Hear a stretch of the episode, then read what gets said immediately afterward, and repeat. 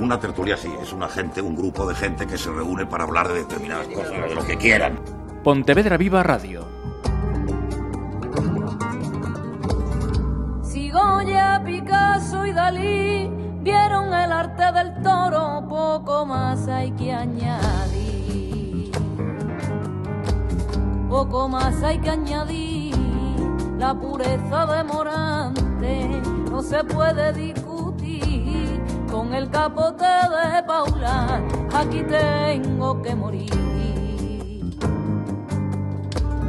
Y si alguien se pregunta si el toreo es un arte y si el toreo es un Saludos, estamos prácticamente en Capilla, a puertas de esta próxima edición de la Feria Taurina de la Peregrina y el estudio de Pontevedra Viva Radio, pues a full prácticamente, pues colgamos el no hay billetes, se podría decir, ¿no?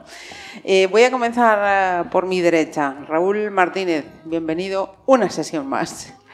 Muy buenos días, Marisa, y el resto de compañeros. Alejandro Calvo, bienvenido un año más. Muchas gracias. Juan Ribeiro, bienvenido de nuevo. Muchas gracias por la invitación. Y eh, regresa, vuelve a hacer el paseillo. José Maqueira, Pepe, bienvenido de nuevo. Muchas gracias por invitarme, Marisa. Ah, estamos grabando a pie de jueves. Esto lo estáis eh, escuchando en streaming el viernes.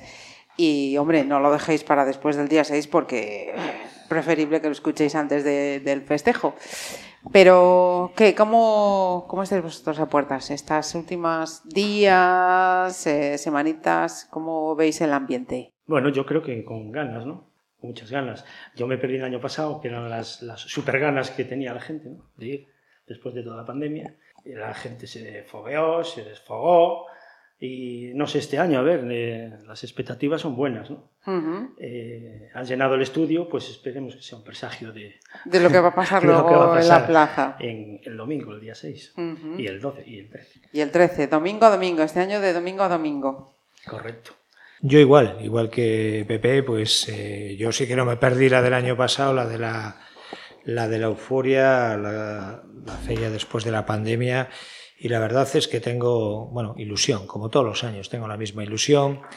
Y bueno, y a ver cómo, cómo responde el público en este formato de, de domingo y domingo, en vez de meter un sábado por medio. Los carteles, evidentemente ya hablamos de ellos en la última tertulia, creo que son inmejorables y, y- y poco más, eh, ¿no? O sea, ahora a ver cómo se desarrolla todo, ¿no? Yo estoy muy, muy, muy ilusionado y con muchísimas ganas. ¿no? Estamos, estamos. Alejandro, Juan.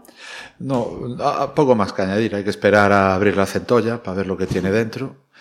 Yo, eh, como con figuras ya, aquí nunca hemos tenido problema. El tema es mm, a ver cómo, cómo funciona el ganado, ¿no? El eterno, el eterno Sí, eh, interrogante. Siempre exigimos, siempre pedimos más, más ganado, pero es que a veces eh, sí que nos sale el tiro por otro lado. Entonces, bueno, eh, yo espero y confío que este año tengamos más suerte de cara con el ganado y con las figuras que tenemos, pues yo creo que pueden ser dos festejos mm, a priori antológicos. A ver si tenemos suerte. Antológicos. Hombre, sí. Es que yo quiero formar parte de la historia siempre. Eh, y, y este año, además, Y este bueno, año, lo vamos, macho, lo es que- vamos a ir viendo, lo vamos a ir con viendo estos con carteles, algunos- macho, con algún eh, anuncio la que se ha retirada hecho en de, los de últimos días. Juli tiene, Eh, aquí tiene que, que- que ser la bomba. Aquí siempre lo hemos querido mucho. El Juli Juli, eh, macho, que de alguna manera, bueno, ya, lo- ya lo veremos. Sí, sí, lo veremos. A ver si me vas a tener que sacar en tus noticias. Yo, yo las- yo no las hago, las hace Finito. O sea, que- bueno, pues finito, yo, vale. yo me escondo detrás de Finito, que es el maestro. La responsabilidad es a finito. Si yo escribiera yo, aparte de que no sé escribir bien, pues eh, yo creo que otro gallo cantaría. Yo soy mucho más crítico que Finito, pero bueno, bien. Veremos. Y crítico, crítico y escéptico. Sí, yo creo que que ser sí. positivos, joder. Si no, en estas cosas, si no somos un poquitín positivos a priori. Después, eh, si tenemos que largar, largamos. eh, y si hay que rajar de los toros, de la empresa, de los toreros, Y no tendremos problema ocasión, que esta no es la última Cada uno, sí, cada uno tiene su, su punto de vista. Y una cosa importante es saber si Roca reapareció hoy o no. Sí, sí, sí, efectivamente, sí. estaba Roca está Creo para hoy en Huelva. Yo creo que sí, que la está esperando. noticia Yo conozco gente que está esperando para sacar la entrada el domingo por si Sí, pero ya, Roca, lo, ¿no? ya lo Sí. Anunciaron ayer, ¿eh? ya lo anunciaron, sí. Sí, creo que él, él está, a ver, en, Sí, en reaparece redes y demás, y- la intención es reaparecer hecho, y él parece Y convencido había que dudas sí. ahí con Manzanares también, pero... Sí, luego lo también. vemos, luego lo en vemos. las redes de, de la Plaza de Toros Lo dan por, lo dan por hecho. Sí, Sí sí sí, sí, Además, eso, tiene dos citas antes de la del domingo, eh, Huelva y el puerto. O sea que.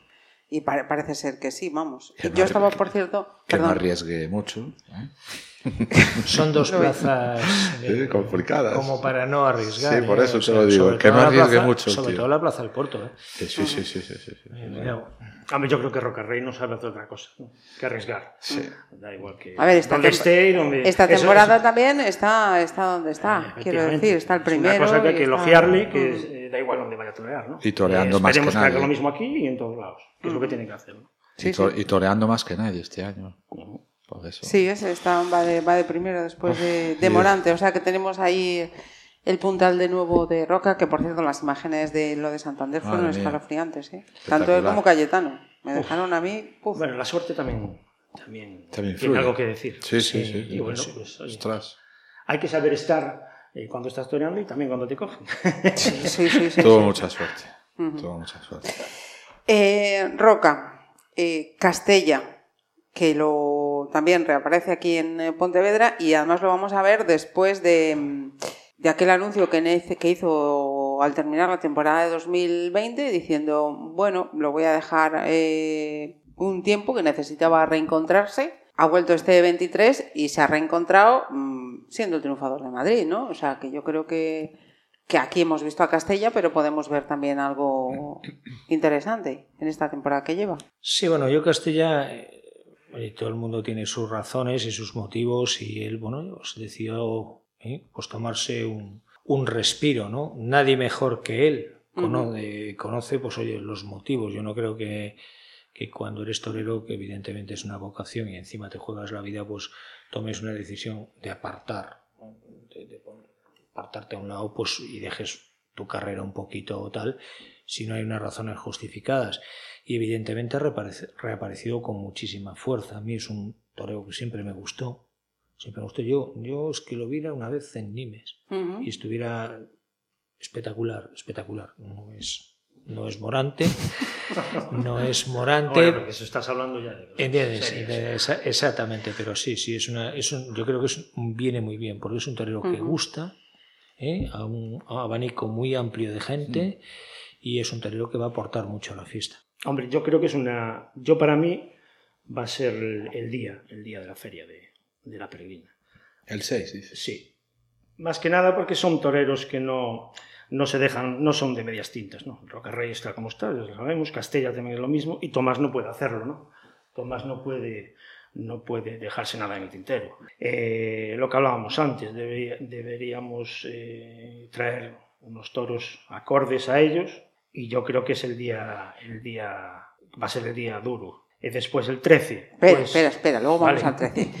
Ya va todo. Trae va. ganas de hablar tiempo. porque sí, sí, sí, tiene, es que acumulado, tiene acumulado de otros años, años, claro. Después de dos años. Y hoy ya empezó el lleva tal, Os había echado ahí el capote con, con Castella porque no es la primera vez que, que un matador nos sorprende diciendo, bueno, lo voy a dejar temporalmente, necesito Bueno, Juli, reencontrarme. Juli también lo Sí, pero eh, ¿eh? sí, sí, sí, sí, Sí. No, no, en Porque el comunicado no pone Juli, pero- no, no pone definitivamente, Indefinidamente, que no lo es lo estamos mismo. viendo ahora también con mucha gente del deporte y todo eso. ¿eh? Pero Al ¿qué, final qué les pasa pasa? factura, o sea, ¿qué, ¿eh? qué- qué- qué pasa? Porque la frase esta de buscaba reencontrarme. Porque yo ¿Qué creo que va todo muy rápido, todo, absolutamente todo. Nosotros, la sociedad, la vida y demás. Y estos que chavales, ser- quieres o no, pues tienen una presión. Una presión inmen- brutal, inmensa. ¿eh? Brutal. Y es día tras día, día tras día, muchos años. Pero Entonces, tienen mucha presión en todas las plazas.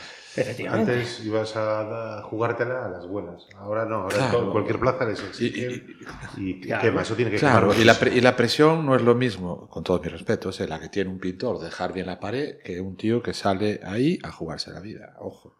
Eso tiene que ser brutal, porque yo, eh, yo oigo, por ejemplo, hablar, eh, tuve la suerte de poder hablar con Tomás, fuera de, con Tomás Rufo, fuera de, de todo esto, y en plan tranquilo y cenando con él, y alucino la cabeza que tiene esta gente de cómo habla, de cómo piensa, de cómo enfoca la vida, de la idea que tiene de vivir y de la idea que tiene de jugarse la vida todos los fines de semana o de semana o de lo que sea.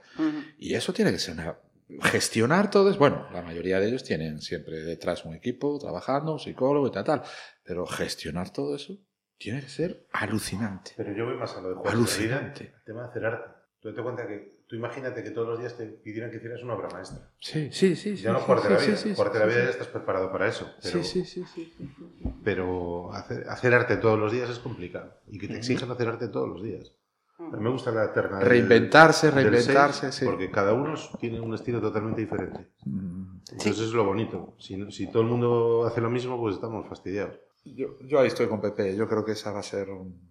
Sí, más que nada yo lo Muy digo por, no, no porque sean diferentes los tres, no, sino porque los tres, Van con su todo. idiosincrasia Van es con todo. eh, llegar a torear siempre eh, igual, eh, o sea, me refiero, igual, eh, me refiero a con la misma intensidad, da igual donde, donde vayan, ¿no?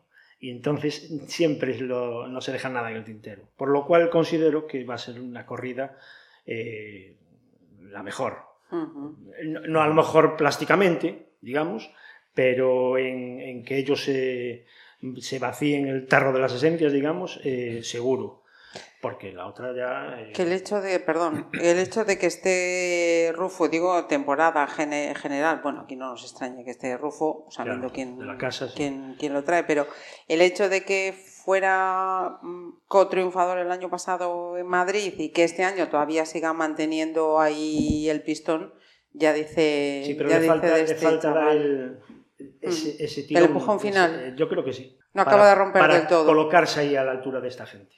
Bueno, tienes que darle tiempo también. Ya, ya, no, no, están yo le pensando yo le doy todo el tiempo del pero mundo. de, de Pero cara, me de refiero- cara... Me refiero que él eh, tiene que ser consciente que tiene que darlo todo en todas las plazas. mm. Y, si- y retomamos con lo que hablábamos antes, ¿no? Que al final llegan a un nivel de estrés que, No, que pero- les lleva a hacer ese tipo de Y cosas. yo estoy de acuerdo contigo. Si tú le preguntas a cualquier persona que no sea muy, muy aficionada y le dices, ¿cuál te sobra? Te va a decir todo Rufo. Dice, grandes historias, ¿cuál te sobra Rufo? Bueno, Porque le falta todavía el nombre, Claro. el empaque, el, Ujú. eh, todo. Es Claro, un poco. bueno, lleva dos, tres, dos años, tres Date años. cuenta que los, eh, los otros cinco, si te los ponen Están hace 15 consolidados, años, claro. Hace 15 años te los ponen en los carteles y era. No sabes si estás en el año 2023 o en el 2010. Correcto. ujú. Porque esta gente lleva viniendo. Pues yo, no sé, Claro. yo, yo no miré, pero.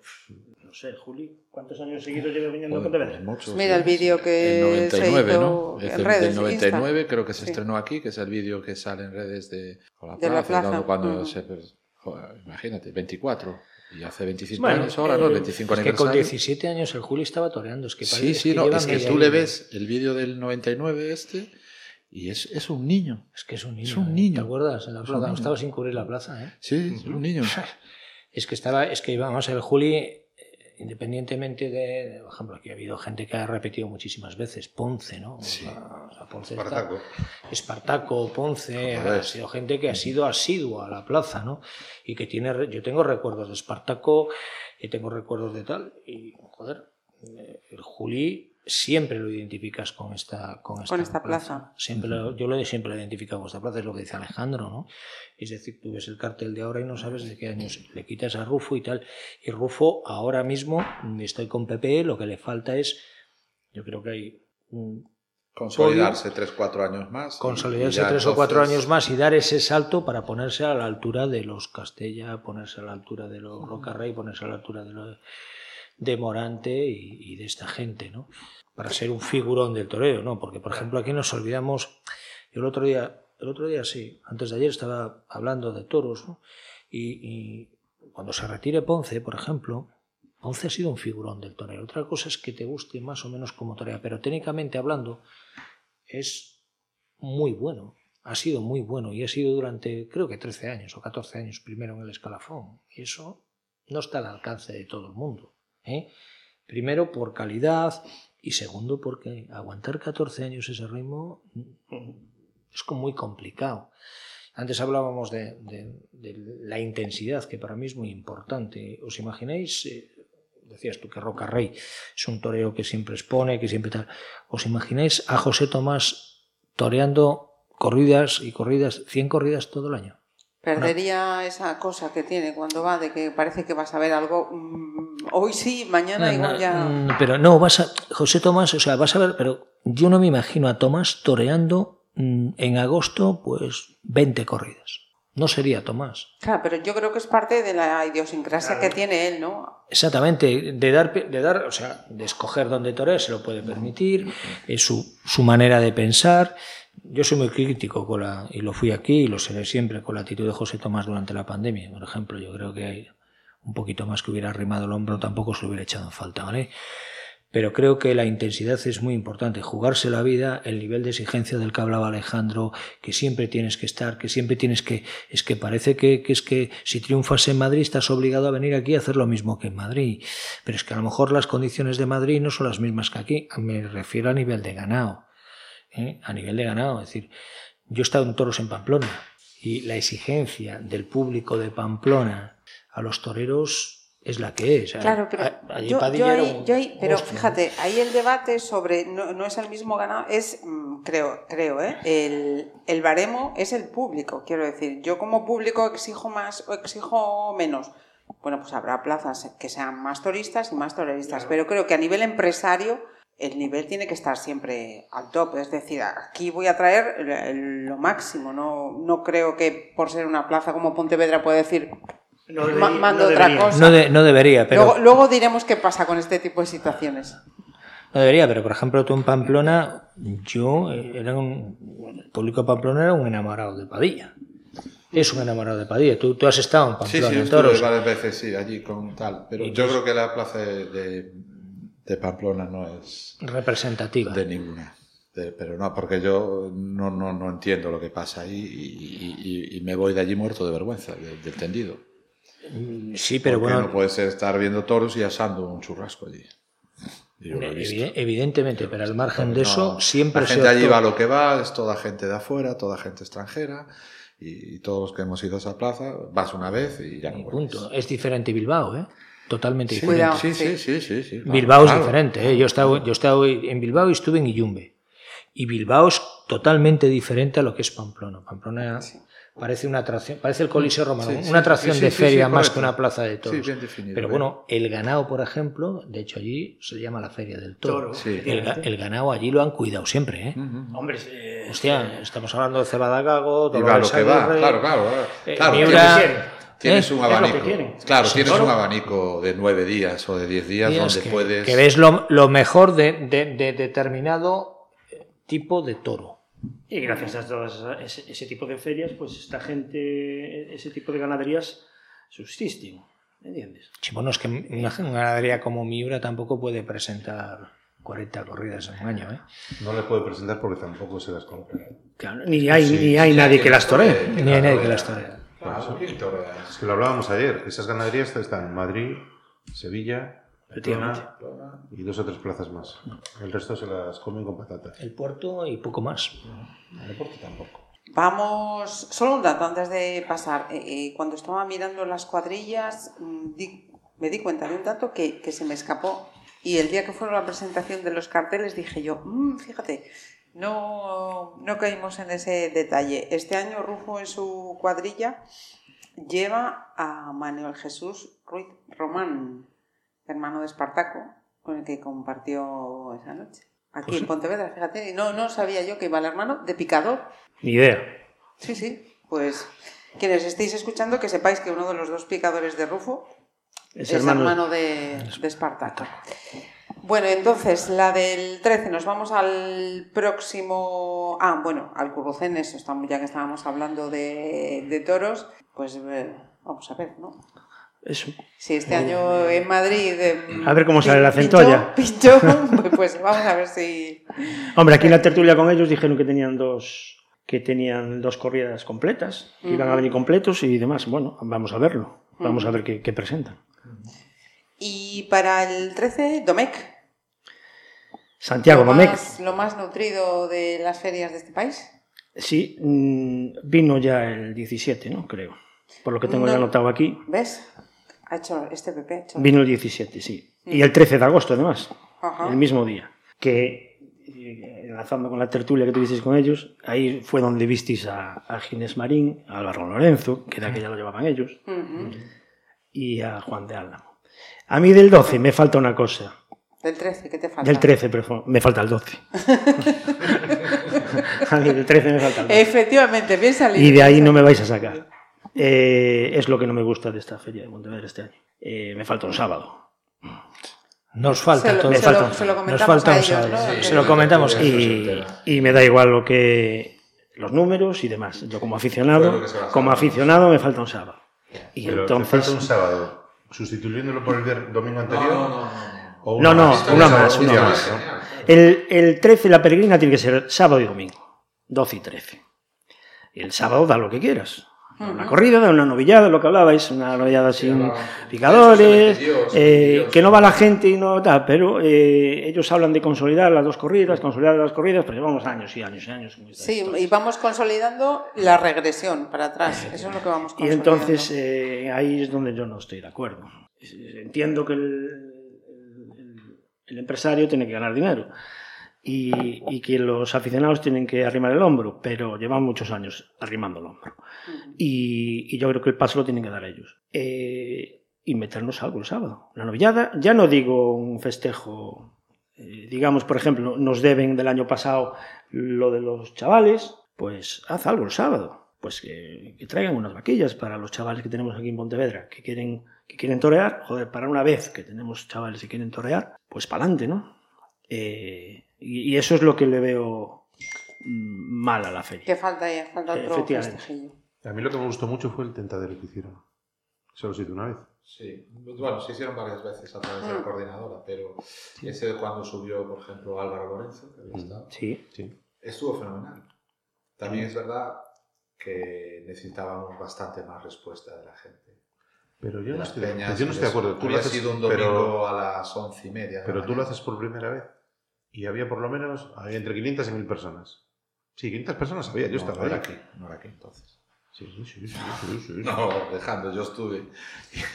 Sí, Y, bueno, igual la, casa estoy- se estoy quejó. muy- Claro, la casa se quejó porque dijo, hombre, ¿dónde está la gente? Tal. O sea, algo que haces gratis, que haces subir Sí, pero eh, con un camión con ganado, tal, cual, a un torero que hay que pagarle, a un torero que tal. Y después Fíjate, yo creo que de los- Pero, 300 pero, eso, personas, pero eso lo puedes decir la segunda vez, no la primera. Mm. Porque en ese momento, además, yo me acuerdo de la situación. No Era abierto solo- a todo el público. ¿eh? Sí, Se mandó una nota a todos los abonados de la plaza, que hay Sí, pero- 2.500. ¿Qué día fue, Juan? Domingo. Domingo por la mañana en verano. No, es Enviado. que- no, no, pero es que se hizo a propósito ese domingo. Quiero Sí, decir, no se puso un sábado la- a las 7 de la tarde porque No se, no se calor no nadie. publicitó, no se publicitó, yo me acuerdo que no se publicitó fuera de los ámbitos taurinos para que no hubiera gente externa que fuera a montar el pollo. Por ejemplo. Entonces, claro, si tú vas con esa tara, Por ejemplo. ya tienes No, un problema. claro, porque Pero ya, pero ahí hay una- un reglamento y una ley de espectáculos que hay que respetar. Sí, pero lo del anuncio hombre, pecan con todo. Me refiero que siempre eso. con. Que el, sí, el bueno, pecan pero de- aquí ya lo vemos. Que pero lo siempre haces a escondidas. todo. Lo estás haciendo a escondidas No, al no, final. no, no, al, Sí. ser, al ser abierto y sin, y sin entradas y nada, ya no haces nada escondida. Es algo abierto a todo el mundo. Se que- haber metido quien Pero que no lo anuncias porque tienes miedo que te vaya gente a reventar. Efectivamente. Entonces, Ahí hay una falta de, de- de previsión, eh, Juan. Esto, este tipo de cosas siempre salieron a salto de mata. Nunca fueron ni presentadas, uno, ni presentadas en el, en el cartel.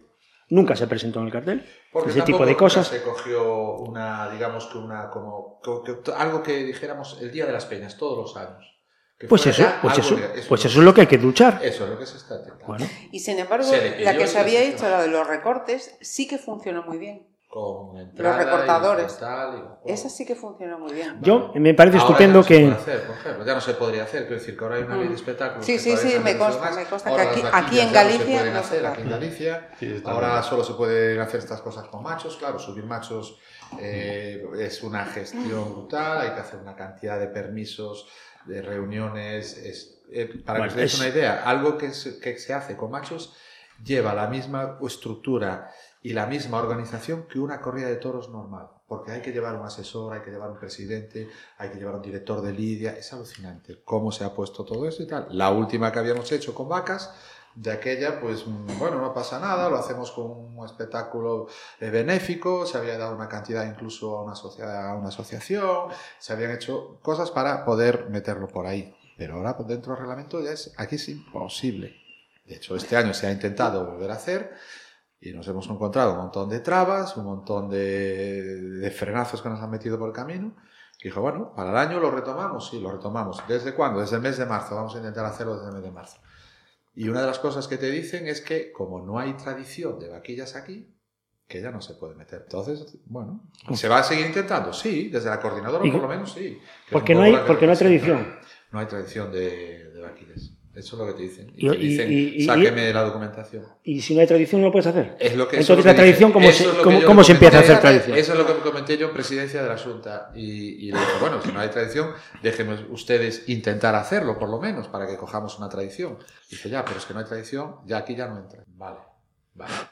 O sea, más de 100 años dando corridas y no hay tradición. bueno. De vaquillas. Bueno, espectáculo de joder, vaquillas. pero si estamos hablando de un festejo mayor, que es una corrida de toros. Si, si llevamos 100 años dando corridas de toros, ¿cómo no va a haber, cómo no va a haber No lo tradición? contempla, ya, no lo Hombre, por favor. el- el- Bueno, ¿cuántos años está haciendo La ley. vaquillas la coordinadora? Muchos años. Sí, ya se hicieron unos cuantos. eh, Sí, sí, sí, sí, sí. De hecho, eh, eh, fíjate, os doy un O dato. sea- Eh, una de las ideas que surgió, que lo estamos valorando también, es el poder hacer aquí una, una escuela taurina y a través de esa escuela taurina poder hacer esas exhibiciones. Claro, es que eso es lo- esas eso-. Entonces, eso es lo que estamos Claro, Eso lo Pepe, hablamos- eso- pero, está Juan, muy chulo. lo pero hablamos- escúchame, escúchame. Pero eso si esto se habló aquí hace ya Sí. no sé cuántos años.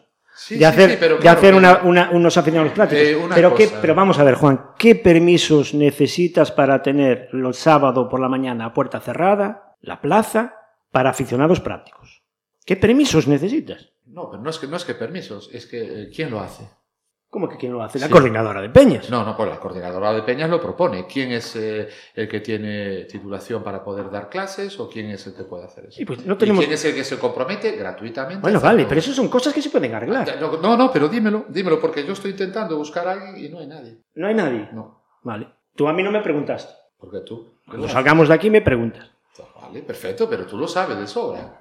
Claro, claro que lo sé. Claro, pues Porque lo sé pues- porque hay unos chavales que estuvieron entrenando ahí los sábados por la mañana Sí. y, y hubo gente que se, que se encargó de ellos.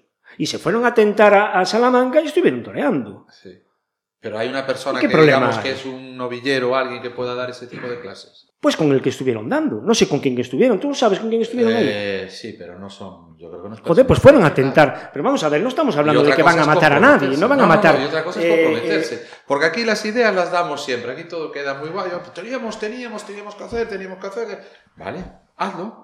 Pero vamos a ver, Juan. Claro, es ¿Cómo que sí, pero- Estamos- Pepe. me estás hablando tú que eres el presidente de la Claro, coordinadora de pero es que Peñas. nadie colabora y nadie ayuda. Bueno, eso es otra ¿quién cosa, eso es otra Joder, ¿cómo cosa. que es otra cosa. ¿Entiendes? Pues Pero, sí, pero vamos a ver, Juan, si se está, si se estuvo haciendo, si se estuvo haciendo, ¿El qué? eso, estuvieron entrenando chicos ahí. Esos chicos por su cuenta. Bueno, vale, pues por lo que sea. La coordinadora de Peñas no se puede hacer cargo de esos chicos con los que con los que no sé con quién estuvieron entrenando.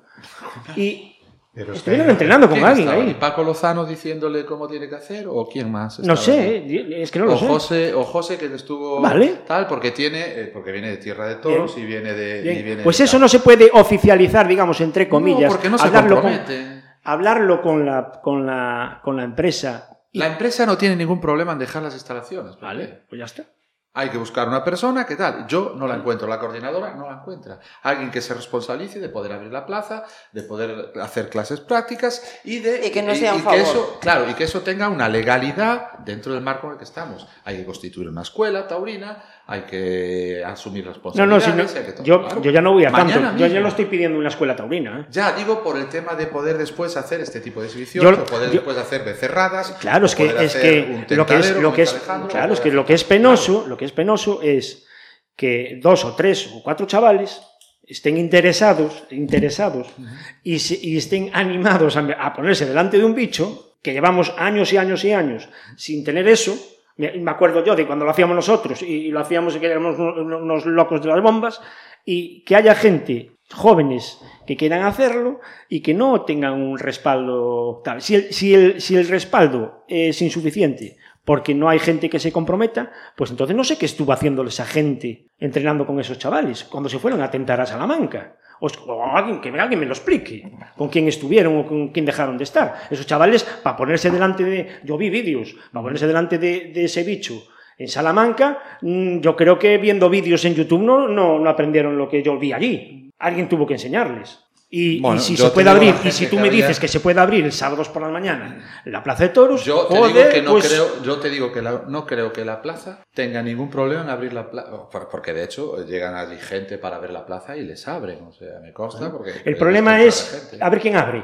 El problema es saber quién abre, el problema es saber quién asume la responsabilidad de esa El problema es que no sea clases. algo, entiendo, desde fuera. Claro, y hasta donde yo llego, que no tal, sea algo particular, eh, Claro, digamos, claro, de tal, pues- a que sea algo más oficial y con un respaldo y Yo a tal. lo que voy- Tú lo- puedes lo- trabajar de manera voluntaria, En todo con buena intención y con toda tu buena voluntad para ayudar, pero otra cosa es que si se quiere hacer de una manera oficial, ya los pasos serían otros. Claro, en todo caso te digo que estos chicos eh, en ningún momento se han puesto en contacto con la coordinadora. Bueno, ahí ya no sé, Claro, yo ellos no me- han ido allí a tal, le han, le han abierto la plaza, los han dejado pasar y a mí me parece fenomenal, que yo no estoy en contra.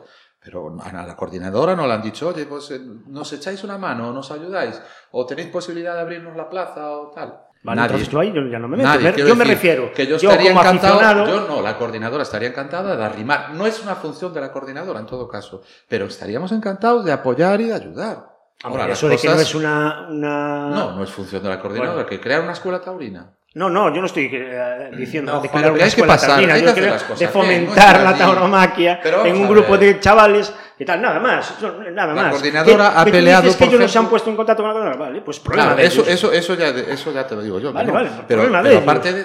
Yo, yo te estoy hablando desde el punto de vista del aficionado, como soy, y, y cuando vi eso, ¿sabes? Me ilusioné, me ilusioné un, mo- un montón, porque veíamos que la plaza iba menos a menos a menos, ahora va más con la grada juvenil y toda esa historia, y, y que haya. A mí me parece, a mí me parece, es, es casi como que los, lo- la película aquella de los, de los guineanos o que ganaban el, el tal. A mí que haya dos chicos, o tres o cuatro aquí, que se pongan delante y tal, y tengan todos interés, bueno, me parece algo... A ver, para empezar, bueno, que digamos que la primera aparición pública que hicieron estos chavales, la primera vez que Mm. les dimos cara pública, se la pusimos en esta mesa y estamos eh, testigos, Sí, ¿no? sí, correcto, sí, también, sí, sí, sí. efectivamente. Por eso que digo fue- que nadie le ha negado, nadie le ha denegado. de la co- coordinadora que me dijeron, oye, mira, hay unos chavales que están ahí, les podemos dar visibilidad. Y se les dio y demás.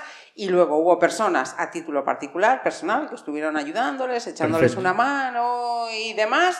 Y, y luego otros caminos paralelos, los vamos a dejar Claro, fuera bueno, de, los micrófonos. Son cosas que surgen, ¿no? Pero eh, que desde la coordinadora, eh, desde el minuto cero en que se hubo noticia de estos chavales, aquí eh, dieron marcha. Y luego yo entiendo que si se hace una cosa ya oficial de...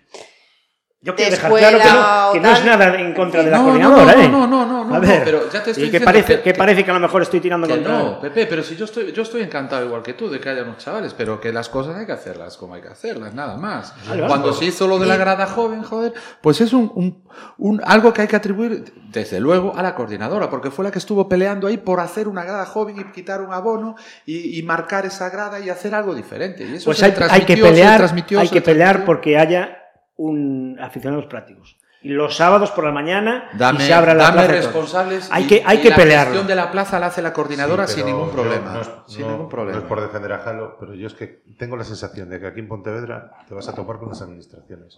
En cuanto quieres hacer algo oficial, todos son Claro. piedras en el zapato. Y entonces, claro, al final, mientras hagas a nivel particular, así como un poco escondido, hablábamos antes de claro. la, de la- Pero si yo, yo en ningún No caso pedí que fuera oficial. No, en pero- ningún caso. No es Pero si tienes pero- una- un cauce oficial como sería esta escuela de práctica, eso te daría No, pie a luego poder organizar otros eventos, entiendo. Correcto. Por lo que Es estabais. muy difícil. en todo por lo que después diciendo. Pero oficializarlo en Galicia, tal y como están las cosas a nivel Y político, ya es difícil ley, en el resto de. España. Bueno, a mí me gustaría saber cuáles son las trabas eh, eh, administrativas que hay para, para realizar ese tipo de, Pues mira, de cosas traba- un sábado por la mañana. Pero la primera traba te la ha dicho él. Como aquí no hay tradición, no te dejan hacer con vacas. Tiene que ser con toros. ¿Por qué? Eso, es- eso lo, hacen, lo hacen a propósito. bueno, pero está no hecho estamos precisamente pero para, para molestar. pero yo me refiero solo, solo ir a entrenar un sábado por la mañana. Ya, me refiero a eso, no, no que haya bichos en el medio problema, ni que claro. haya nada. Me refiero. Pero cuando lo que hablábamos tantas avanzar, veces. Cuando quieras avanzar no vas a poder. Te va a decir, no, usted quiere hacer esto. Eh, primero, dese de alta en las, en asociaciones de taurinas, de tal, de tal. Eh, eh, eh, Perfecto. unos estatutos, ya sabes cómo van las cosas. ¿eh? Cree estatutos, presidente, tesorero, secretario, tres vocales. Me tal. parece estupendo, Pum, Juan, pum. pero, no tenemos hay que empezar por asuma. algo. Hay que empezar por algo. Después no ya iremos que pasando esos puentes cuando lleguemos ahí. No hay ¿entiendes? gente, Pepe, que te asuma esas responsabilidades y sobre todo cuando no hay cuartos. Claro. Yo sí, porque yo estoy muy bien pagado en la coordinadora y tengo un sueldo, pero esta gente... Bueno, no lo dudo, no lo dudo. Ya viéndote cómo vienes vestido, no lo dudo. Menos mal que luego hay imágenes que dan fe. Que dan fe. Mira, eh, puedes quitarte la chaqueta del traje. y la corbata. Y la corbata. bueno, venga, al 13. Bueno, al el número 13. si no crece, el que decía el otro. Sigo yo. Y ya hablando bueno, lo del sí, me, sí, falta, sí, me, sí, falta, sí. me falta el 12 y me tengo que desahogar. Llevo dos años sin hablar aquí. Y el 13. Eh, Eh, porque no estabas, vamos a dejarlo claro que esto no Se estuvo aquí porque se tomó un descanso. Como los toreros, Como los como los toreros. me, fui a, inventarse. me fui a mi, Y ahora a mi Andalucía a descansar. Cuarenta y pico grados, pasé un calor de carajo. Pero bueno, mira, el 13. eh, estará, estará con conmigo el señor Raúl, que ahí sobra todo. 13. Sobra todo. Estando, sí, estando Antonio, Antonio, pues eh, bien, me parece estupendo, maravilloso. Siempre y cuando ve- su- eh, siga viniendo Morante, listo. Lo que sí, lo decíamos, ¿no fuiste tú que decía eso, hacíamos alusión al anuncio de retirada del Juli, Sí. pues que le puede dar otro plus más, ¿no? A la corrida, decir, bueno, otro año más sí. el Juli, otro año más el Juli, otro año más el Juli. Bueno, pues este año, al menos indefinidamente, que no definitivamente, igual el año que viene no podemos hablar de Juli. Bueno, no sé, a ver. Siempre ¿Sabes vamos a ver. Yo creo que lo que dice Pepe, eh, echo de menos el sábado, eh, el hecho de que el Juli anunciara que, ¿cómo era? El- Aquello de la Su Alteza Real interrumpen la, su convivencia, el cese temporal de la convivencia, ¿no? que bueno, cesa un poquito de la actividad y que interrumpe, yo creo que es un aliciente, ¿no? Eh, al Juli, que no, al final lo veías y dices, "Mira, ya viene el Juli, ya viene el Juli, ya viene el Juli. Bueno, pues que venga el Juli y que no venga el gimnasta, ¿no? Eso Sí. es un hecho. O sea, prefiero al Juli todos los años y no al gimnasta todos los años, ¿no? Porque el Juli me puede sorprender, el gimnasta no me va a sorprender nunca, ¿vale? Entonces el toro y la fiesta es también un porcentaje importante de sorpresa, ¿no? Entonces cuando tienes a alguien como el Juli y no tienes a, Al gimnasta. al, gimnasta granadino, pues entonces eh, solo por eso ya merece la pena pues ir a la plaza, ¿no? Morante, bueno, ¿Qué Morante- nos va a decir Raúl de Morante? yo de Morante no puedo, puedo decir pocas cosas. Y ¿eh? más este año del Morantazo, ¿no? Sí, exactamente, sí. El otro día me preguntaba Luismi eh, Lozano por qué era tan morantista, ¿no? Entonces yo le contesté, le dije, mira, te podía dar- le podía dar muchas razones, pero voy a dar solo una. Es el único torero al que yo le perdonaría todo, cualquier cosa. Entonces se quedó así un poco sorprendido y me dijo, es una buena razón, es una buena razón, pues es un torero al que yo le perdonaría cualquier cosa, ¿no? Como un hijo, como un hijo. Yo creo que incluso más que a un hijo, porque, entiendes, un hijo, los hijos de todos son nuestra responsabilidad, Morante no es la mía, evidentemente, pero yo a Morante le perdonaría cualquier cosa después de ver lo que vi en Sevilla, por ejemplo, y lo que he visto muchísimas veces. ¿no? El otro día estaba hablando con Alejandro y me decía Alejandro, bueno, cuando, cuando toreó Morante aquella vez y toreó en una silla, ¿no? Se- bueno, pues joder, solamente a un genio se le ocurre hacer una cosa semejante y después que lo hace y lo hace bien. Y lo hace, Ronda fue. sí, y lo hace bien, ¿entiendes? Sacas una silla, te pones a torear una silla y lo haces bien, ¿no? Eso es Que como yo lo- en ferias de novilladas, mm, no recuerdo si fue el, año pasado o el, an- el anterior, ya creo que sería más complicado. eh, un- no recuerdo el nombre del chavalito, lo hice y dije yo, mira, Sí, pero eso solo se le ocurre, esa, esa genialidad y después que te salga, ¿no? sí, sí, sí. Como cuando estás en el fútbol, pues oye, yo una vez vi, vi- vi a Ronaldinho que se iba un balón por la banda y antes de que saliera por la banda salió él del campo y sacó el balón de Rabona, ¿no? Eso solo se le ocurre, y claro, después que te salga, ¿no? Porque joder, si te trastabillas con el balón y te caes, pues quedas como tal, pero Morante es lo que tiene, ¿no? Y bueno, el Juli mm, me da mucha pena porque, bueno, ahora mismo estamos faltados de figuras como él. Eh, pero bueno, oye, respeto máximo a quien se juega la vida tarde tras tarde. ¿eh? Ujú. Teníamos ¿Y eso. Entonces. Manzanares, eh, ha- hay que decir que está llevando una temporada muy jorobada. En junio anunció que lo dejaba porque se tuvo que intervenir de una, la lesión cervical que arrastraba de Francia. Se quería reaparecer en julio, julio, julio, julio, al final no pudo ser. Y está previsto que sea eh, este 5 de agosto, este fin de semana, en las Colombinas de Huelva. Y te ha firmado ya 15 tardes para agosto. No sé si es demasiado querer recuperar tiempo o... Es que yo Manzanares siempre lo he visto como un... ver, Tocado, ya el año pasado vino tocado. Sí, ¿no? sí. O sea, al final. Sí, Yo- es un torero con, con muchísimas Muy- lesiones. Siempre tuvo muchas sus- lesiones. mucha, muchas lesiones y lesiones físicas, es decir, Sí, físicas más que cornadas, porque oye, también la- la- eso es suerte. El otro día hablamos de Roca Rey que tuvo mucha, hay un porcentaje importante de suerte, pero sí lesiones musculares, físicas. La mano le dio muchísimos problemas, muchísimos problemas, y, y yo creo que eso es lo que le ha lastrado mucho, porque siempre, incluso de cara a los empresarios, esa irregularidad, por motivos lógicamente Sí, físicos. físicos, pues sí que ha lastrado su carrera, ¿eh? ha lastrado su carrera. Porque, por ejemplo, Talavante, que también, Mm. bueno, es una persona, Sí, vamos, ha sido vamos a más especial, particularidades y por más particularidades, más especial, más ese halo tal, pues también Sí, pero en el caso de no ha este sido, ha sido la tan merma irregular física. como ha sido Sí, Manzanares. pero tiene un buen, iba a decir un representante, porque Matilla. 15 tardes en agosto con un año muy regular, no, no creo que las tenga mucha gente. Y arrancando tarde, Sí, sí, que sí. no sí. arranca el día uno, es decir, no. No es que él también necesita, eh, Alejandro, también necesita coger carrerilla, coger impulso, porque si no pierde una Son temporada, muchas, ¿eh? mu- son muchas Sí, tardes. Pero Manzanares también. Manzanares vive de dos cosas. Primero, de lo torrero que es y de que también trae una trayectoria del padre. Porque el Manzanares tiene, tiene un nombre en las Ujú. plazas. Aunque ya no sea el padre, pero la gente oye Manzanares y pues, toros. Él, él tuvo una temporada, no sé ahora decirte los años, aquellos que en Sevilla, que fue, fue- llegó a ser el torero de Sevilla, Ujú. desbancando a, a Morante y demás. Y qué pasa que después empezó con aquello de la, de la muñeca y todo eso.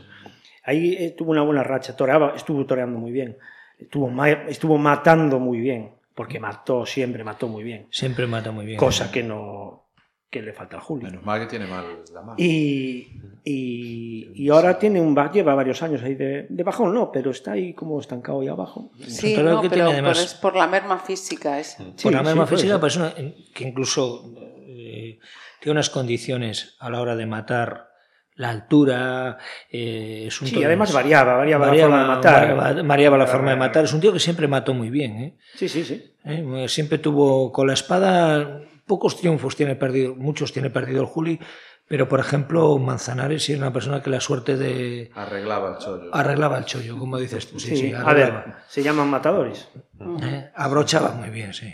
Y si el torero viene al 60%, ¿os sentís engañados? No, yo no, porque vamos a ver, Tú pagas una entrada por ver a un tío al 100% en plenitud y tal. yo pago Si por viene, por ejemplo, el año pasado, que lo estábamos hablando ahora, venía mm, mal, porque no, no, no venía. Claro, pero es que hay muchas tardes que ha llegado a torear infiltrado, eh. Cuidado, Sí, Sí, por eso te digo, ¿tú te sientes engañado? ¿Os sentís engañado? No. ¿Tú te sientes Ah, engañado si Rafa no. Nadal juega una final de Ronald Garros infiltrado o con Dolores? No, porque sabes que lo va a dar todo. Es decir, lo que Pero pasa es que tienes que conocer. se gana el estar ahí y, y llega por el tal. Ya, pero- también, no estamos Roca hablando Rey, de va a llegar al deporte, ¿eh? 100, Roca Rey va a llegar al 100%, posiblemente, ¿no? Seguro que no. No estamos hablando de deporte tampoco. Claro, estamos no. hablando de arte. Pero es que esa- el pero arte- por eso pero en ese arte hay una, una pero- exigencia pero- física. ya, pero el arte surge de cualquier El arte forma, surge, aunque estés, aunque estés al- sentado, es que sentado es en una silla, de- en una silla, como hablábamos antes. Estás sentado en una silla y puedes, puedes eh, fabricar ar- arte, hacer arte. Claro, pero tienes que tener las condiciones para poder eh, sentarte en la, en la silla y en un momento determinado la capacidad Sí, de pero- reacción. Sí, bueno, pero es, es El cuerpo es muy exigente. Quiero decir de que los toreros a día de hoy, igual que los toros, eh, físicamente Sí, se preparan se como no se preparaban hace sí, 40 sí, sí. años. Sí, hombre, incluso, por ejemplo, Morante eh, ahora está mucho más fino de lo que estaba hace dos Sí, tres temporadas. sí, sí, sí. La gente se prepara físicamente, tiene preparadores personales, pero quiero decir que es lo que dijo Pepe, ¿no? El arte el arte surge. ¿eh? Eh, o sea, Tú puedes estar mal físicamente y, y surge. Y Tú Puede surge. surgir perfectamente. ¿Qué pasa? A veces, a veces estás bien físicamente al 100% y, y mentalmente no, no vas no, no arrancado. das, no das arrancado. Ahora, evidentemente, claro, no es lo mismo, insisto, pues para un, un torero como Manzanares, un torero como Talavante, Morante, esta gente eh, que pueda tener una mer- Roca Rey, que pueda tener una merma física incluso importante, que, que la tenga el gimnasta, ¿no? Porque el gimnasta, sí, sí. Bueno, yo. Hombre, Estás hablando mucho del gimnasta. Yo tengo que- No, no, no, no. Es que verdad. Es una cosa que me molesta. Porque él se juega la vida igual que los demás, a veces más. Porque hay muchos técnicos y muchos artistas que si no le gusta el bicho no hacen nada y no arriesgan lo más mínimo. Y esta gente. Y además es una cosa que he discutido contigo muchas veces. Tú tienes que dar de todo y tú tienes que hacer que la gente se aficione. Y yo me acuerdo que la primera vez que vine a la plaza, siendo un, un chavalín, me vi la terna de banderilleros. Y es una cosa que te engancha. Primero, pues por ello, que es súper espectacular y tal, y luego vas entrando más. Tú no puedes ir al cine primero a ver una de Saura, porque no vuelves a entrar en un cine. Tendrás que ver otras cosas De hecho, aquí en. Pontevedra siempre había una Siempre corrida de, hubo, de banderilleros. siempre. Desde Morenito Maracay, El Soro, Víctor Méndez, Víctor Méndez, Siempre había una de banderilleros. ni medio siempre. segundo, Coño, pero por ejemplo, sí, pero te voy a decir Pero una bueno, cosa. porque la empresa, la empresa siempre sabe, sabía interpretar lo que a la gente le gustaba. Le gustaba. Siempre había caballo, ahora empezaron a quitar el caballo, porque la gente de fuera venía a ver los, los caballos. Siempre había banderillero, porque al principio eh, nos gustaba mucho lo de los banderillas. Eh, se cambió la tendencia. Y, y el, el empresario siempre supo eh, Sí, estudi- eh, Evidentemente, leer, leer entre líneas La habilidad Claro, empresarial hizo el resto, pero eh, contestándote, replicándote lo que has dicho sobre el gimnasta, eh, yo he visto los banderilleros igual que tú. Yo he visto la primera corrida, siempre lo digo, que vi en esta plaza fui a Paquirri, fui banderillar a Paquirri, que era un excelente, y lo sigo diciendo, excelente banderillero, ¿no? Pero bueno, entre, entre el gimnasta y un banderillero como Luis Francisco Esplá, yo me quedo con Luis Francisco Esplá, porque es que aparte manejaba bien el capote, Luis Francisco Esplá era un excelente director de Lidia, ¿eh? Y con el hándicap de la altura. y el Janica de la Altura, que era un ser todos retaco. bajitos, los banderilleros, ¿eh? ¿eh? Claro, Yo no sé si es por la sensación, para dar más sensación de peligro, pero. Y ser. ojo, yo al gimnasta le llamo gimnasta porque para banderillar bien mm, no hay que hacer 200 metros en 3 segundos. Sí, pero a mí no me gusta Va- que, le llames de gimnasta porque Ferrera, Ferrera banderillea bien, banderillea bien, con poderío, ¿eh? la cara del toro, y no recorre 400 metros. Es que para eso Pero me si voy al estadio de la plaza, recorre juventud. 400 metros, si no te gusta, no le aplaudes o le pitas. Ya, pero no lo descalifico, pero vamos. Juli, Juli banderilla muy bien. Juli banderilla muy bien. Que Banderillaba muy bien. Paquirri hijo, digo. Sí. Ferrera banderillaba muy bien. ¿Entiendes? Yo he visto poner pares de banderillas a Ferrera. Por ejemplo, al hilo que le decía antes Jalo, cuando viene el 60% te defrauda. A mí lo que me defrauda es que no pone banderillas nadie. Todo el mundo es al subalterno y que de cualquier manera. Es un tercio que. Sí, es un tercio que está el de caída, digamos.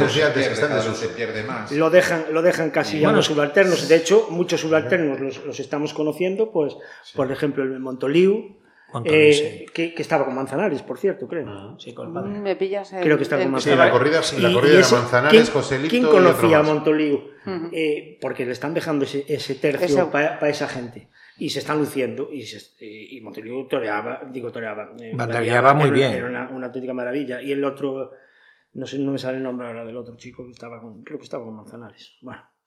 Que era también de Alicante Valencia, por ahí, Sí. puede ser. Y, todo ese tipo de gente. Lo que dices tú, los maestros ahora dejan ese tercio para tal. Cuando tenía su auge y antes banderillaban casi todos. No, pero ahí tienes razón, Alejandro. Es que ahora ver gente que, que, es que, que, que la suerte de varas o que la suerte Y de al que le cueste, al que a quien le guste mucho el capote también te va a decir es que ahora ya no se ve el toreo de Ah. capote que se veía. los hace- quites, Es que no se ve Ni un los quite, no quites, se ve una banderilla, Es que, entonces es que al ese es final el tema. ¿Se reduce? ¿A qué se reduce? pueden hacer Al tercer 100 tercio. corridas Al tercer porque hacen el tercer tercio. Lo estamos poniendo en bandejita. Aquí el amigo Pepe nos ha recomendado un artículo de Mundo Toro, publicado este 2 de, de agosto, en el que eh, plantea un debate sobre qué es lo que está pasando en este sector.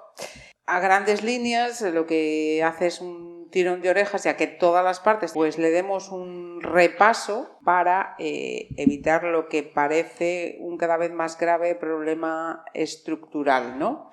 Nos dice que en 2023 eh, bajan los festejos respecto a 22, que 22 había subido pues un poco por esa sed de, de lo que venía pasando desde la pandemia, que fue algo puntual, pero que se vuelve a esa tendencia previa a la pandemia, es decir, que se reduce en el número de festejos, como dato negativo. Como dato positivo, dos realidades, que las plazas, y digo la frase textual, las plazas donde se trabaja a fondo y bien han aumentado la asistencia y dos, que hay un promedio elevado de gente joven. Joven. El descenso se produce tanto en, bueno, o el más importante, en el rejoneo, luego festejos mayores y luego eh, novilladas.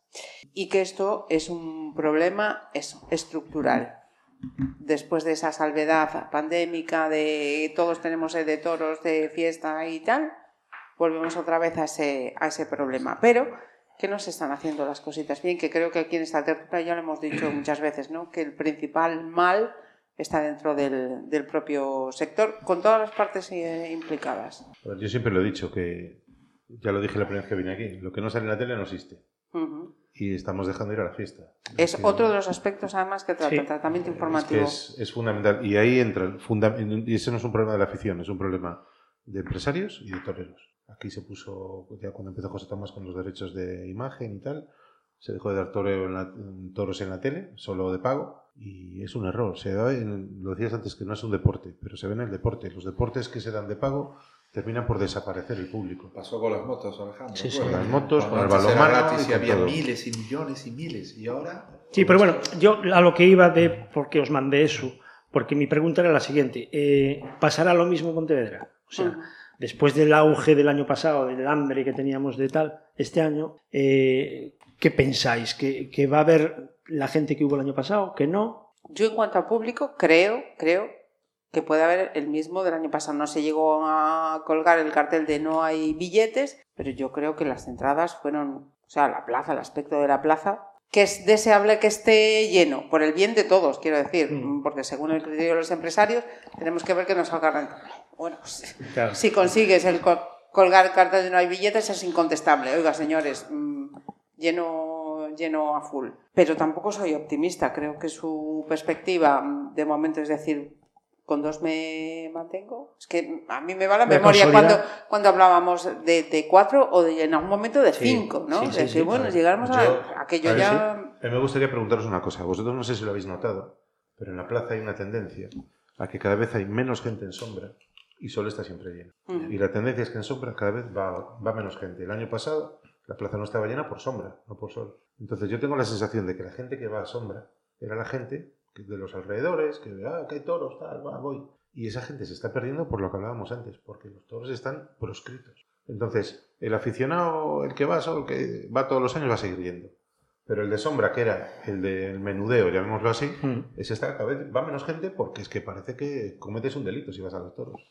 Y yo, yo tengo esa sensación, yo no Bueno. sé si la tenéis vosotros, que en si sombra cada vez menos gente. Sin embargo, fíjate, eso que acabas de decir es mi impresión, ¿eh? desde luego. Eh, me parece que está pasando el efecto contrario con ese otro hecho constatable que, que señala en este caso Mundo Toro, el promedio elevado de gente joven. Creo que mientras esa gente mayor es como mm, hecho para atrás, la gente joven un poco como eh, actitud reaccionaria, como está haciendo con otras cosas. Ah, ¿no se puede ir a los toros? Pues yo voy a ir a los toros.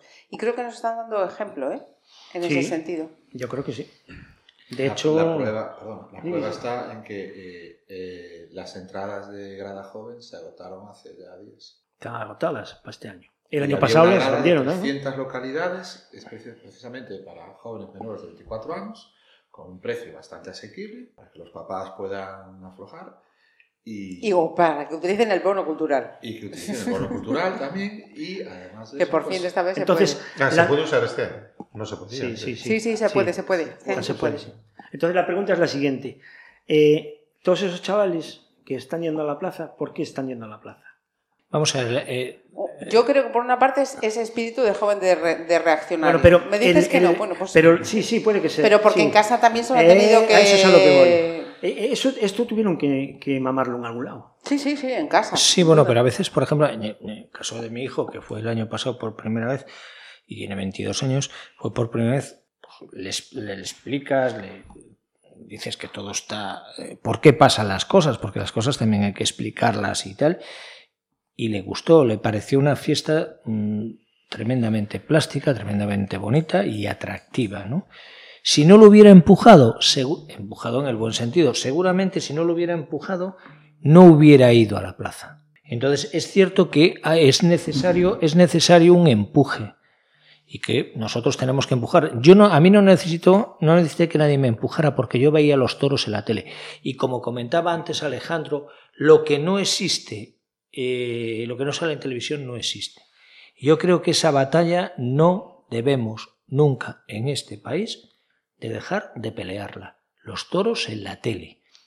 Lo que ha dicho antes Jalo, las motos antes, los domingos, cada 15 días tú veías las motos. Empezaron a prohibir la publicidad del tabaco, empezaron a prohibir no sé qué, no sé cuánto, esto para tal, las bebidas, pim pam, pim pam, pim pam. Entonces, claro, tío, motos de pago. ¿Quién ve motos ahora? Coges y tienes que pagar un dazón, como los coches, como esto, como tal. Entonces, hay que dar corridas gratis en directo. Ya, pero me refiero, aún, no dándolas, que no, que no, las dan. Por ejemplo, un niño, un niño, en Andalucía, por ahí puede, puede ser que haya, no sé, más, más afición, como hablábamos antes de la afición de las vaquillas.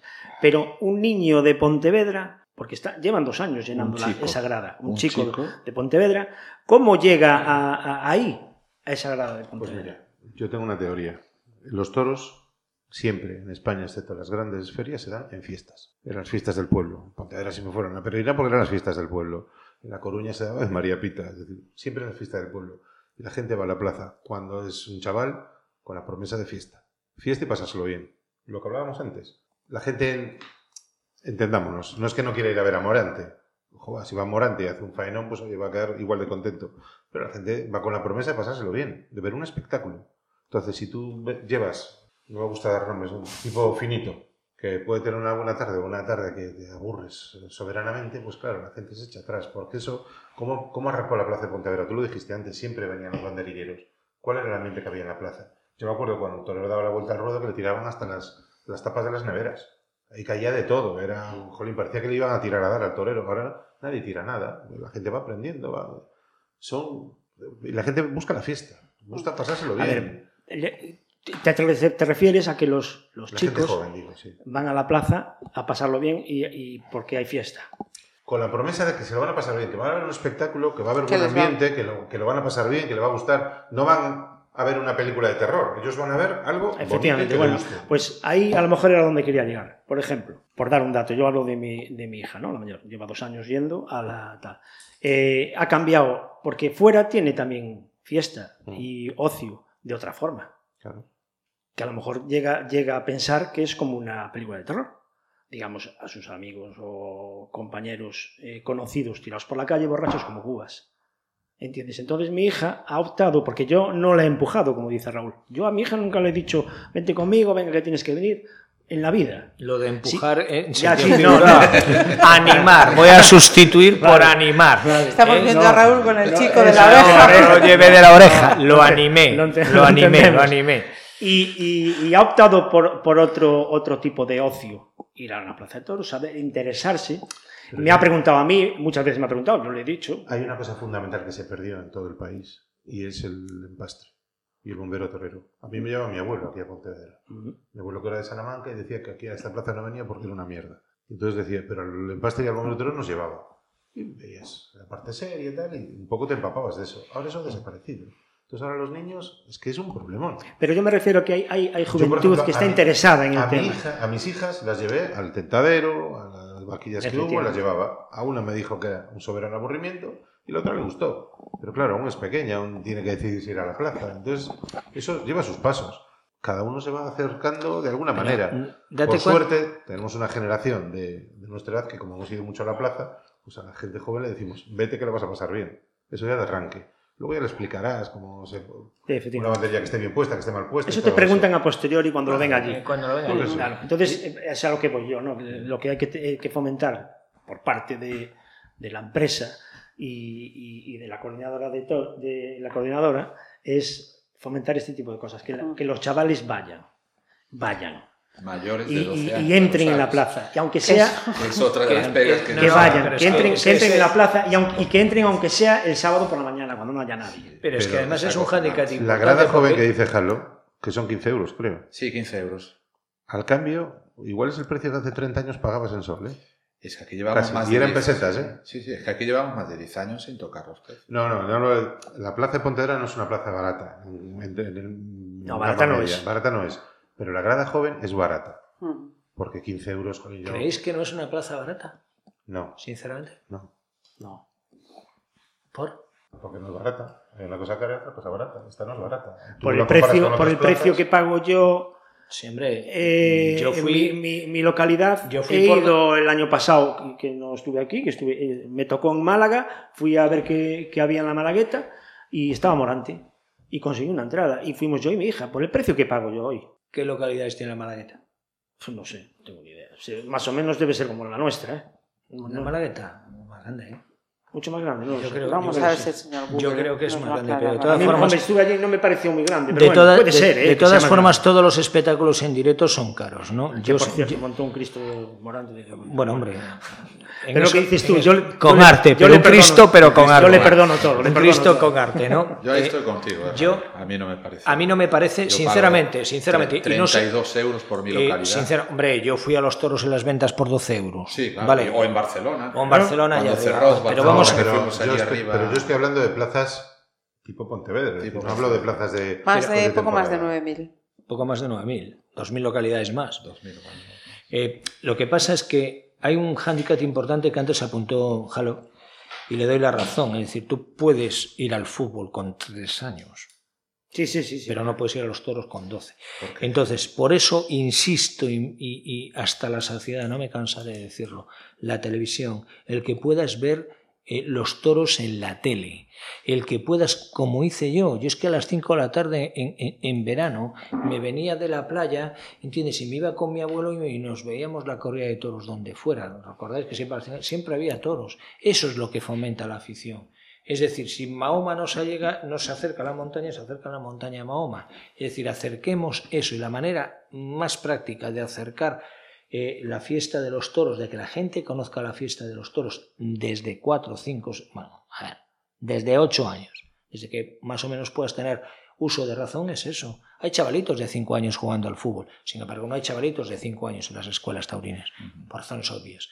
Pero, joder, la televisión, el difundir, el que la gente conozca la fiesta. ¿Entiendes? Hombre, si va a Pamplona y buah, se lo pasa de puta madre, encima come con una churrascada, como dice Jalo, pues, pues joder, a lo mejor dice, pero no va a los toros. Va a comer las albóndigas, como, como el pavero que me tocó al lado, ¿eh? en el tercer toro en Pamplona, y sacó una, un tupper de albóndigas. Joder, yo no voy a comer albóndigas a la plaza, ¿eh? a ninguna. Ni a Pamplona. Yo, yo por eso te decía que no era una plaza para tomar de referente. Ya, pero bueno, ¿entiendes? Optó por eso y oye, le sale bien. Pues nosotros tenemos que optar por eso, por difundir la fiesta, porque la, la gente conozca la fiesta. ¿eh? Y oye, pues, pues, pues, joder, ¿qué, qué pasa? Eh, a mí me invitaron a- al Real Madrid en Balaídos, lo comento siempre, el año pasado 140 euros, papi. 140 euros por un, por un partido de fútbol. Cuidado, Entonces, los los- espectáculos en directo son caros. Y, Sí, y lo- y los morancos, 90 euros eh, mi padre y 90 euros mi madre. 180. 180 y, Cuidado, los y un- morancos. y un, espectáculo un espectáculo musical en cualquier musical en Madrid está cerca de los 90 euros no no me parece cara esto no quiere decir que "Oh, que dijeron que hombre no joder que no me suba la entrada Ya, bueno, pero la pregunta no es esa. La pregunta es que si los toros en Pontevedra son caros. Son caros. En, en- en- en comparación con todas las demás, sí. A mí no me lo parece. a mí sí sigo que es, y es subjetivo no me parece caro Pepe teniendo en cuenta el aforo teniendo en cuenta que tenemos dos eventos y sobre todo la calidad de los carteles otra cosa es que qué tal pero teniendo en cuenta eso no me parece caro ¿eh? Tú sabes que yo eh, tengo la suerte de poder salir bastante por ahí. Ya sabes también con quién voy, que voy a muchas plazas, voy a muchas fincas, voy y tal. Y te lo digo en serio. Yo he pagado mm, 95 en Sevilla, o he pagado Pero ¿en nove- dónde, dónde estuviste sentado? en sombra, en fila 2, 3 o algo así. Vale. Oye, pero yo aquí en Pontevedra voy por 32 euros. Y tengo la fila 1, Pepe, entendido mi 4. peña La fila 1, estoy de mi maravilla. peña- 32. mi peña se No me sienta, parece, a mí no me sienta parece en el patio de caballos tenemos esos Tenéis un balconcillo eh, fenomenal un ahí. balconcillo fenomenal por 45 euros ¿eh? Y se ve estupendamente. eso en es Sevilla una te vale Ya, ya, claro. 70 Con el mismo cartel. Con el mismo porque cartel. no ¿Cuánto, Si ¿Qué aforo damos- tiene si Sevilla? ya los carteles y te ¿Qué aforo precio, tiene? entonces paga y vamos. Claro. ¿Qué aforo tiene Sevilla? Claro, es que eso es otra diferencia. Pero estáis comparando el Claro. Bernabéu con Pasarón. Sí. Compararlo con Segovia, compararlo con Bueno, Teruel, es- compararlo es- con exacto, Valencia. es- eso se lo decía yo el año pasado a Foro. Le decía, Foro, si quieres ver fútbol de primera división, vas a Vigo. Y si quieres ver otro tipo de fútbol, vas a Pasarón. Y entonces eh, Foro decía, ¿por qué me lo dices? Por el tema de, de la plaza de la presidencia, de tal, del ganado y tal. Sí, claro, pero- todos sí. sabemos que lo que decías tú antes, Sí, a Pamplona va un toro, tal. Sí, pero a las- Madrid va un toro, tal. Pero las porterías tienen que ser iguales y las normas son las mismas. Sí, es lo sí, que él sí, sí, decía. sí, sí, sí, sí, sí. A costa, otra cosa es que se cumplan Bueno, pero- otra cosa es que se cumplan las ¿A normas. costa Pero de qué? El otro, Claro, el año, el año pasado, el año pasado, el Arenteiro de Carbañino, en el Espiñedo, eh, jugó con el Atlético de Madrid Sí. y los precios no iban en relación al, al- al campo del Arenteiro, al Espiñedo. O sea, iban en relación a que estaba jugando el Atlético de Madrid. Exactamente. No, no, no, no, no, de los precios. Quiero decir que, oye, Claro. estamos viendo un espectáculo en directo con un cartel que es con matices y mejorables. Bueno, y sobre todo hay una cosa, Alejandro, que tú vas a otras plazas y ves que suben los precios, que me parece también lógico, porque eh, lo que el transporte antes valía aquí traer un camión con ganado eran 600 euros, ahora son 1.500. Genial. Vale. Voy, a, voy con otra cuestión Ah, vale, vale. enlazada Correcto, por ahí. Y en relación a, a la- al artículo de Mundo Toro que nos ponía en la mesa Pepe. Eh, dice que eh, todo, a todos los empresarios encuestados les responden lo mismo. No hay toros. Sí, Claro, no hay claro. todo. No, claro, sol- no claro, solo en plazas de primera, sino que en el campo corridas de garantía para las figuras no hay. Y tampoco en las novilladas. El precio del toro y el novillo ha subido y hay una carestía Total. y aumento de los costes. Y da cifras, alrededor de 80.000 También. euros. Y una novillada en una plaza de tercera de 47 Cuidado, a porque esos son 50.000 datos, euros. son datos que la gente desconoce y no sabe. Porque eh, te voy a poner un ejemplo. Eh, hace cosa de un mes y poco hemos estado en Valdefresno, sin ser una ganadería tal. Estaba desembarcando toros para Madrid. Oh, perdón, desembarcando. Estaba embarcando toros para Madrid.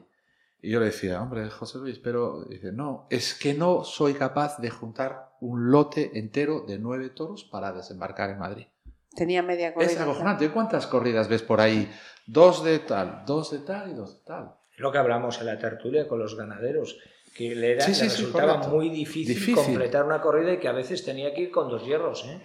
Eso- le pasó al de Val- Eso se, se hizo mucho, mucho, muchas veces aquí en Pontevedra sin estar en estas circunstancias. Sí, bueno, pero por motivos económicos. ¿eh? bueno, pero por motivos pero, económicos. pero se anunciaban otras cosas Sí, pero por motivos económicos y se hacía. y se hacían. Pero te quiero decir que sí, Ahí lo dejo, ahí lo dejo. ha habido, ha habido, No, no, ha habido sabemos, sequía, ha tenido, se han Sí, tenido sí, que sí, no alimentar digo- a las reses, a las reses con pienso, Pero etcétera, claro, etcétera. pero cuando De aquella época se decía que lo que hacían era limpiar corrales, a lo mejor igual teníamos, o, los- o lo que lo- quien lo decía, igual tenía algo de razón. Sí, sí, no, yo siempre Éramos lo más digo. jóvenes y tampoco. Ya, sí, ya, Pepe, ya. pero siempre, ya, yo, yo siempre lo dije. Pero aquí siempre tenemos el as. Sí, no, no, no, no. es que no, se descarta. como si viene en de la misma o casa, la- claro, No, como viene tú- de la misma casa, distintos hierros, Y tal, tú a mí me, has oído hablar aquí en este mismo foro, me has oído hablar a mí que yo siempre me he quejado relativamente de la desigual presentación de las corridas, porque cada uno, cada toro parecía un padre y una madre. Sí. ¿eh? una, de- una nefasta presentación. Y eso viene de ahí. Y eso se vino haciendo años porque aquí se traían los restos. Dentro y siempre del lo mismo digo. Claro, pero como se Dentro traían, del las, mismo- dentro, como como se mismo- traían las figuras, como se Claro. traían Traían las figuras, no se nos miraba para el toro, claro, Claro. claro está. Pero por ejemplo aquí, ¿recordáis la época aquel que los domingos había vitorinos? Que hubo unos años, Correcto. seis, Sí, sí, siete sí, años sí, que sí. hubo vitorinos. Unas veces salió mejor, otras veces peor. eh, bien. Pero la presentación del- de los vitorinos era ejemplar. La última corrida, eso que acabas de decir, la última corrida de Vitorinos. Micro, por fíjate. Ah, perdón, la última corrida de Vitorinos, creo que éramos eh, algo menos de 4.000 personas en la plaza. Sí, era un domingo después de... Correcto. Mm. Algo menos de 4.000 personas en la plaza. Para traer una corrida de Vitorino, con los precios que dio antes eh, Marisa. Hablando de Vitorino, Diga usted. pregunto, cuidado, pregunto. cuidado. ¿Dónde está la Fundación del Toro de Lidia? Es otra cuestión que también deja caer en este, en este ¿Desapareció artículo, como ese los trabajo. toros o cómo es? Pregunto. Y Yo no Eh, estoy aquí ahí, para ¿eh? defenderlo, no, yo tampoco. Y de hecho, mm, a mí personalmente coincido con el artículo de Mundo Toro, que de esos planteamientos iniciales que habían hecho, de bueno, vamos a hacer, vamos a hacer, lo único que veo de la fundación eh, son los circuitos de novilladas. Que aquí no entraron. ¿Te acuerdas aquí aquel día que hiciste la entrevista aquí? Sí, sí. a- sí. al, al periodista, que no sé qué, qué cargo Sí, tiene en la. Sí, sí, sí. Que sí. habíamos planteado de hacer una, un, bolsín aquí y tal. Y. Fue maravilloso. y Una, una, expectación y tal. Y cuando llegó el tema, dijeron que aquí no venían, no sé por qué no venían. Y empezaron a decir que La sí. respuesta Lo- te la la- doy yo, te la doy La yo. respuesta es lo que me decía Juan, que si los papeles, que si no sé qué. No, si- no, no, no, estás equivocado, estás equivocado. No sé. La respuesta está por ahí y no tiene nada que ver con el sector taurino, tiene que ver con el sector político. Político. Y ya te lo Vale. responderé luego. Vale. Entonces yo, yo pregunto. Sí, sí. Hablando No, del mira, Victorino, no, me alegro, me alegro que lo digas porque efectivamente salió aquí y se dijo y se estuvo trabajando y se hizo la gestión y al final, No se pudo dicho de mala manera, nos se- vimos con los pantalones reunió, abajo sí, sin sí, nadie sí. que nos tapara el culo. Se, han se reunieron en su momento con los políticos y, en fin. Y fue la política la que nos jorobó el invento. Bueno, pues habrá que luchar contra la política o contra quien sea. Pero sí que es cierto que la fundación, de momento, que ha quedado, yo por lo menos Ahí, lo único como- que veo ahí, hago una gestión eh, judicial, sí que es cierto que en el tema de judicial, de ganar juicios, lo Sí. de Palma, Sí, tuvieron sí, mucha sí, relación sí, en conseguir que volvieran los toros a Palma, pero eso de, recuperar, ellos, sí, es verdad. el tema de recuperar, por ejemplo, esos festejos y darle más vida, volver a recuperar desde abajo, lo único que sé es eso, lo de las ferias, que además ha quedado, yo creo que en Andalucía, Castilla, alguno más, tampoco. Y, y lo sé porque los respectivos canales autonómicos las retransmiten. Ajá. Volviendo, ves, dándote la razón. Está, se ve, se, se sabe. Perdón, y ya me, fui ahí, entré a. Claro, porque hablé- estuvo hablando de los vitorinos y me vino Vitorino Sí. era presidente y tal, Sí, sí, me vino a la cabeza. Quería preguntar, como no sabía, como no se Sí, les ve, habíamos hablado antes con Chapo. pasamos de verlos en todos lados a, no, sí. a no verlos en ningún lado. Pero bueno. Pues eso, eh, yo creo que lo que viene a decir os invitamos, entráis en Mundo Toro, que por cierto también aprovecho para felicitarles eh, por el trabajo que están haciendo este primer año que están retransmitiendo, también es de pago, pero Mundo Toro Televisión está haciendo un trabajo espectacular. se, está haciendo, se está haciendo cargo de ese nicho que, que tenía que el Plus Movistar, se- se- efectivamente. se, dejó, no, lo dejó entiendo, ir. no entiendo la política del Canal Plus, ¿eh? o sea, deshacerse. Supongo que será un criterio de rentabilidad. Es una empresa, pues será un criterio de rentabilidad. Pero bueno, no sé, no sé, no sé. Pero es curioso, Movistar solo echaba, tenía un paquete que, que pagaba muchísimo, le daban de todo, menos que lo tenía que pagar aparte, era toros y gol. 20 brazos de toros. Toros y gol. O sea que igual, igual rentable era. Hombre, supongo que sería rentable, porque te lo, eso se iba siempre aparte. Ujú. Eh, Las motos se la- te la metían también de relleno, la Fórmula 1 también, pero toros y golf, no. Eso siempre Va a terminar pago. dando toros dazón. No lo descartes, ¿eh? fuera- Bueno.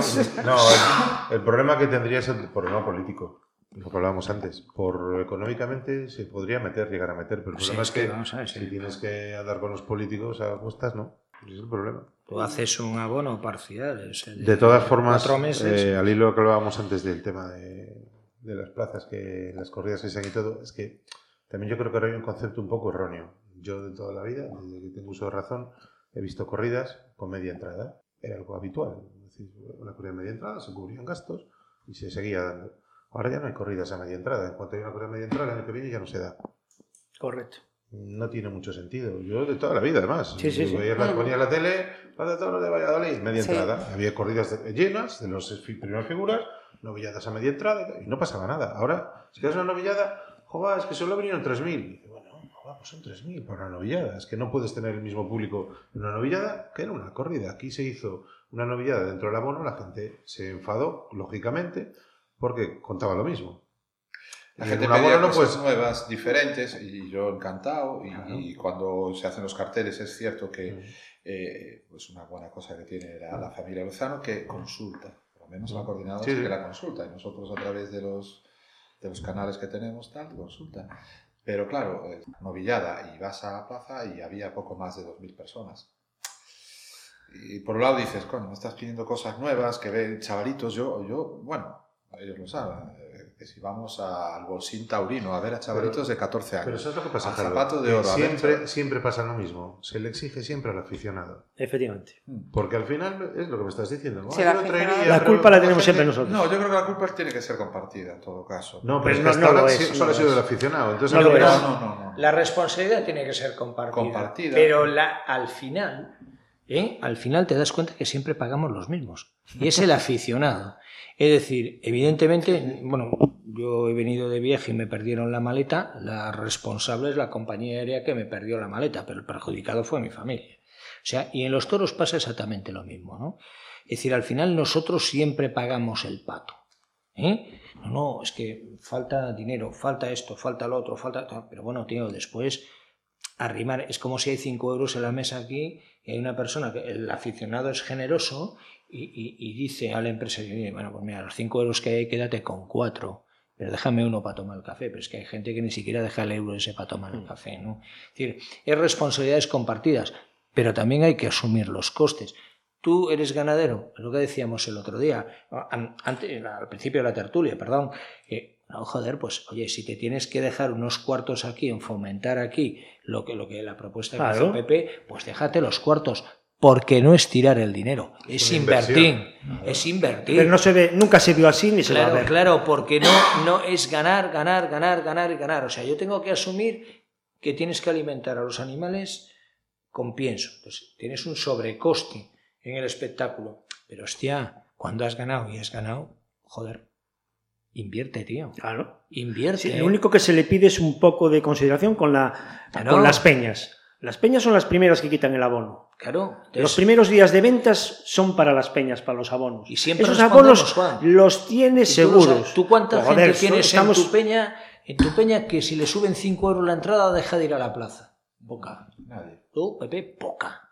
¿Vale? Y si, Siempre respondemos. y si tiene que traer unas vaquillas y vamos los de la coordinadora, 3.000 tíos, pues vamos 3.000 tíos. No se puede estar diciendo que esto no es económico, que no me da, que no me da. No, no. Y ese- ese Porque es- aún no puso un pie aquí y, los, y, y las peñas ya tienen sus abonos comprados. ¿Vale? Y eso, cuidado, ¿eh? Cuidado. Díselo tú a cualquier persona por ahí que, que haga un espectáculo o lo que sea, que sabe que antes de bajarse ya están las 1.500 o lo que sea vendidas. Bueno, eso eh, yo hablo de otra feria más, más pequeña, que es la que tengo más cercana. Al final, la afición local, sabes que está, que está ahí. Claro. Porque creo que el, el trasfondo al final viene siendo lo mismo, y creo que lo he dicho ya en, en más de una tertulia, que al final es dentro del propio sector los que están generando esta situación que, que estamos comentando, de- de- del, del problema estructural, que son los principales agentes, empresarios, ganaderos y toreros, los que se tienen que poner las pilas para tirar de esto Correcto. para adelante. Pero sobre Aquí todo con un mentalidad. caso- Un caso, sí. Con mentalidad, Marisa. Es decir, si hay 5 euros, reparte. Joder, no quieras quedarte hasta el último euro. Es decir, José Tomás, momentos conflictivos, momentos de pandemia. Oye, joder, pues a lo mejor te tienes que plantear lo que hemos dicho.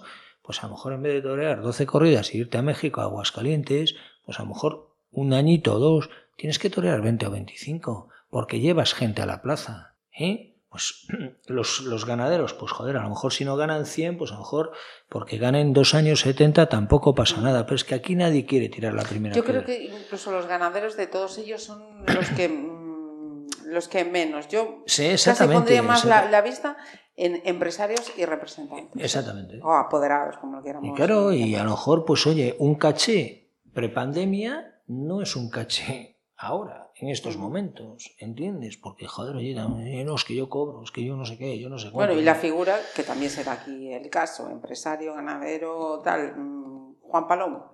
Exactamente. Nos vemos para la vuelta de feria. No os torturo la semana que viene, pero os torturo la siguiente.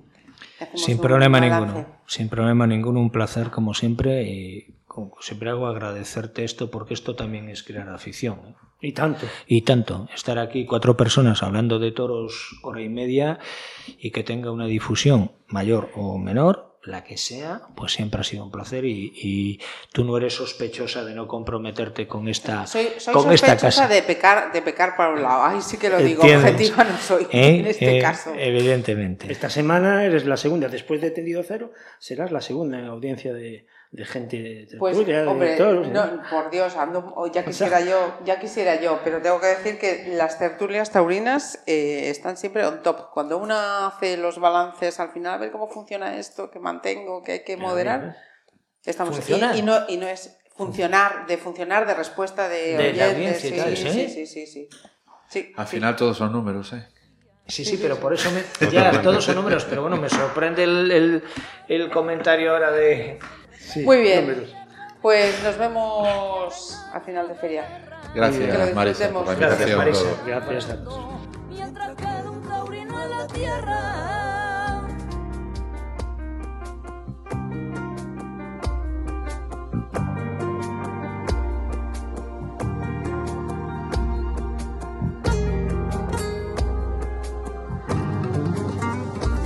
No hay más nada que decir, se dice, ya lo dio Bergamín. Ya lo dio Bergamín, es elegancia suprema, la que desprende finito. Yo muero con Pablo Aguado, toreando despacito. Es Gonzalo Caballero, el que llena de colores, el que llena de colores, una estampa que no pinta ni el mejor de los pintores. Por más fuerte que le deis, artistas son los toreros, los pintores y los poetas. Seguiremos siendo arte mientras quede un taurino en la tierra.